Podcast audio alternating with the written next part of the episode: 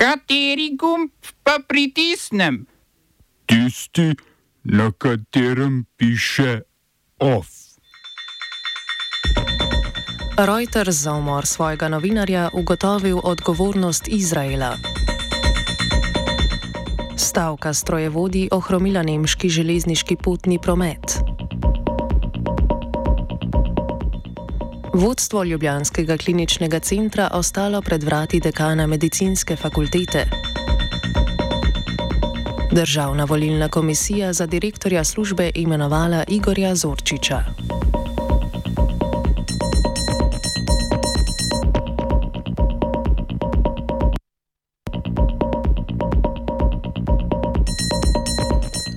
Tiskovna agencija Reuters je izdala poročilo, v katerem za smrt novinarja Isama Abdalaha na libanonsko-izraelski meji neposredno obtožuje Izrael. Po skoraj dvomesečni preiskavi so prišli do posnetkov, ki dokazujejo, da je dve tankovski granati, ki sta ubili Abdalaha in ranili šest bližnjih oseb, izstrelila izraelska vojska. Nevladni organizaciji Human Rights Watch in Amnesty International sta dogodek označili za vojni zločin. Izrael Izraelska vojska svoje dejanja upravičuje s tem, da so s tankovskim in topniškim streljanjem preprečevali vdor teroristov na izraelsko ozemlje, novinar pa se je v tem času nahajal na vojaško aktivnem območju.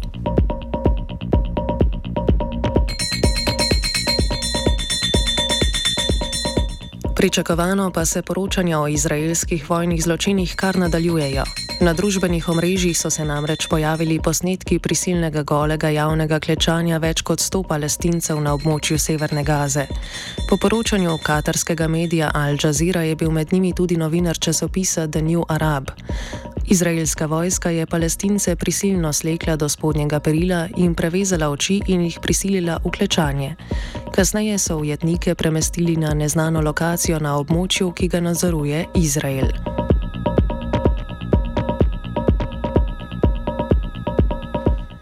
Izraelska vojska je v jutranjih urah bombardirala okolico bolnišnice Al-Amal in sedeža palestinskega rdečega polmeseca na jugu Gaze, kamor se je zateklo približno 14 tisoč beguncev.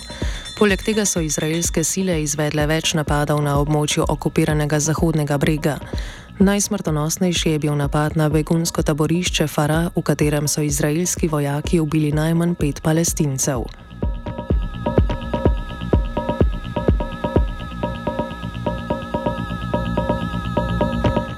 Od Izraela pa čez lužo k njegovemu največjemu zavezniku, Združenim državam Amerike.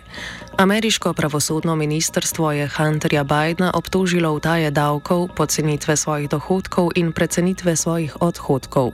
Sinu ameriškega predsednika Joea Bidna očitajo, da je med letoma 2016 in 2019 prikril za vsaj 1,3 milijona evrov davkov. Bidnu mlajšemu ob morebitni obsodbi grozi do 17 let zapora. Hunter Biden preko svojega odvetnika Abe Lowla obtožbe zavrača in pravi, da so te politično motivirane ter da je vse zapadle davke odplačal že leta 2020. Obtožnica v Kaliforniji sledi tisti v Delawareu, v kateri je oktobra velika porota zoper sina ameriškega predsednika potrdila obtožbo nezakonitega posedovanja orožja.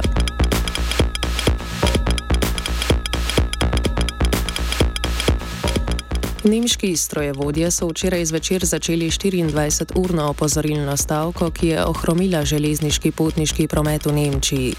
Stavka je ustavila približno 80 odstotkov vlakov na daljše razdalje in povzročila večurne zamude, je sporočilo nemško državno železniško podjetje Deutsche Bahn. Unija nemških strojevodij GDL, ki organizira stavko, od Deutsche Bahna zahteva skrajšanje delovnika, povišanje plač in izredni dodatek v višini 3000 evrov zaradi inflacije. Stavko so naznanili v sredo po neuspelih pogajanjih s podjetjem. Državno železniško podjetje je stavko označilo za neodgovorno in sebično ter zavrnilo skrajšanje delovnika zaradi pomankanja zaposlenih. Stavka sledi predhodni 20-urni strojevodski stavki sredi novembra.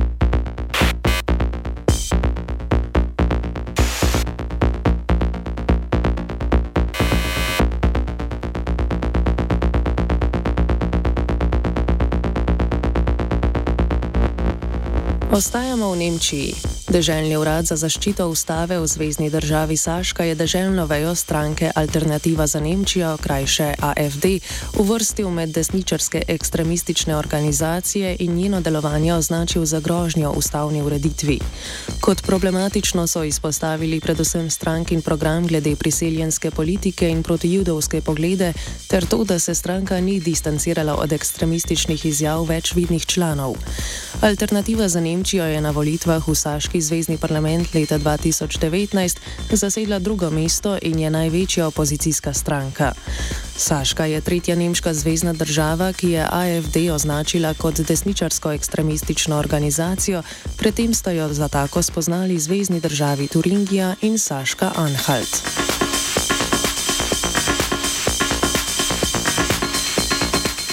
Države članice Evropske unije so jedrsko energijo uvrstile med tehnologije, ki jih spodbujajo v okviru zakona o neto ničelni industriji. Jedrska energija je sedaj edini vir energije v zakonu, ki po definiciji ni obnovljiv.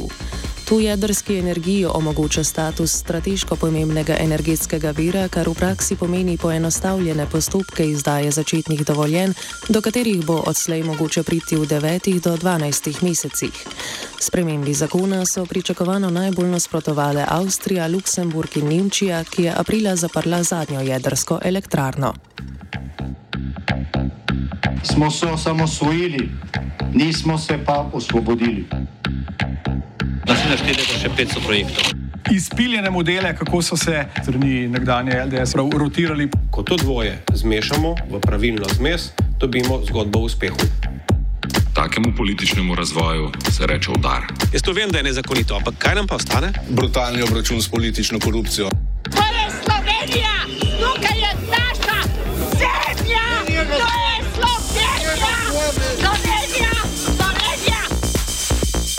Državna volilna komisija je za novega direktorja službe komisije soglasno imenovala Igorja Zorčiča. Zorčič bo vodenje službe od Dušana Vučka, ki je funkcijo opravljal 12 let, prevzel februarja. Njegova prva naloga bo izvedba evropskih volitev, za katere po navedbah volilne komisije primankuje 1,5 milijona evrov proračunskega denarja.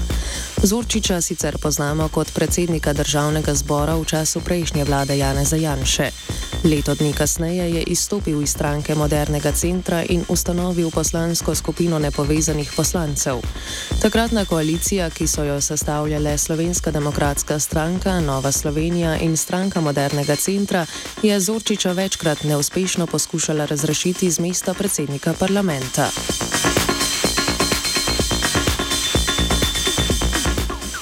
Spor med Ljubljanskim univerzitetnim kliničnim centrom in medicinsko fakulteto Univerze v Ljubljani se poglablja. Potem, ko so včeraj zvečer z medicinske fakultete vodstvo Ljubljanskega UKC-ja sporočili, da se današnjega sestanka ne bodo udeležili, je vodstvo kliničnega centra danes na sestanek vseeno prišlo. Na medicinski fakulteti, kjer bi se načrtovani sestanek moral zgoditi, je vodstvo največje slovenske bolnišnice naletelo na zaprta vrata. Dekan medicinske fakultete Igor Švab pojasnjuje, zakaj so prisotnost na sestanku odpovedali. Glede na to, da je direktor kliničnega centra na prejšnjem sestanku povedal, da ima danes samo eno uro časa za sestanek. Z tega je bil sestanek tudi ob sedmih. Nismo videli smisla, da bi ta sestanek izvedli, zato ker se na tem sestanku v eni uri pa res, glede na njihovo stališče, ne bi uspeli ničesar, ničesar dogovoriti in smo uh, rajšli na univerzo in se tam uh, ta čas porabili za to, da smo tam uh, jih seznanili Eh, natančno se situacijo in začeli. Spor med institucijama izvira iz 43 milijonskega dolga, ki ga ima UKC do medicinske fakultete. Po trditvah generalnega direktorja UKC-ja Marka Juga, Ljubljanski klinični center plačila fakulteti izvaja redno. Problem teči v različnih ocenah cen kliničnih storitev, ki jih medicinska fakulteta izvaja za UKC. Dekan fakultete Švab v svojem odgovoru pojasnjuje, da so na fakulteti pripravljeni razkriti, kako so oblikovali cene posameznih storitev. Cen ne skrivamo. Jasno smo dali vedeti, v sporazumu piše, ki ga imam tukaj pred sabo, ko boste tudi dobili ta gradiva, kaj so elementi tega. Ne? Jasno piše, da smo pripravljeni razkriti vse cene, ne samo cene, ampak elemente cen, kako smo do cen prišli in kar je v nekem takem razmerju zelo nenavadno. Ne? Problem je samo v tem, komu jih bomo razkrili, ker je to treba razkriti v nekem oskem krogu, da se to ne širi potem po, po vsota. In tudi glede tega smo našli rešitev. Jaz sem razumel, da smo se na tistem sestanku prej dogovorili o tem, kako bo to potekalo. Tudi vse te dokumente, ki bi to omogočile, smo pripravili. Do tega sem bil še toliko bolj presenečen, ker pravzaprav ne vem, kaj je narobe. Spor je v javnost prišel 5. decembra, ko je medicinska fakulteta napoveda, napovedala ustavitev izvajanja kliničnih storitev v sredini decembra, če se spor do takrat ne razreši. Slovensko zdravstvo.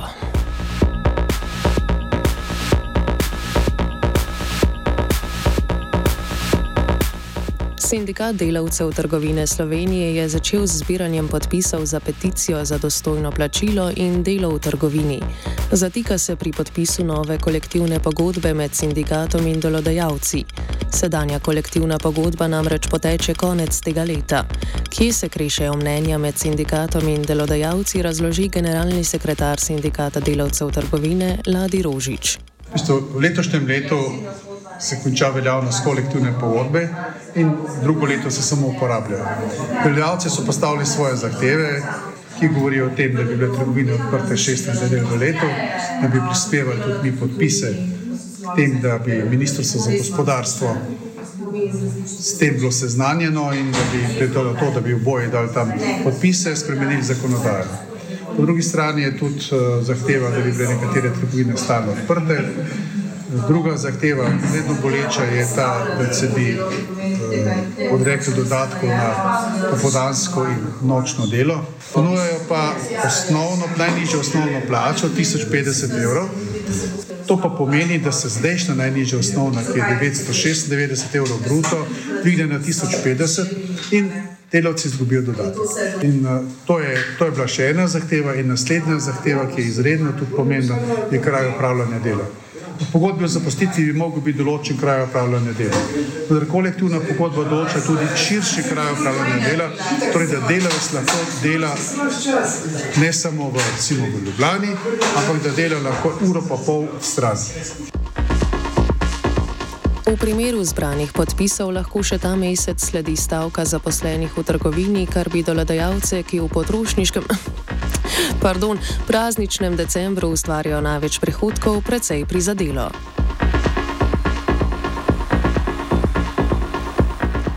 Evropska investicijska banka, krajše EIB in podjetje 2TDK sta podpisala posojilno pogodbo za gradnjo drugega tira med Divačo in Koprom v višini do 250 milijonov evrov.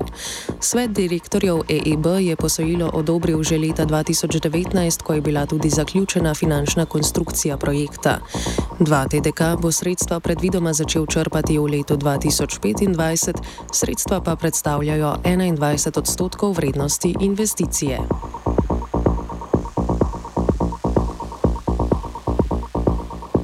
OF je pripravil vajenec Petar, pomagal mu je Tilen.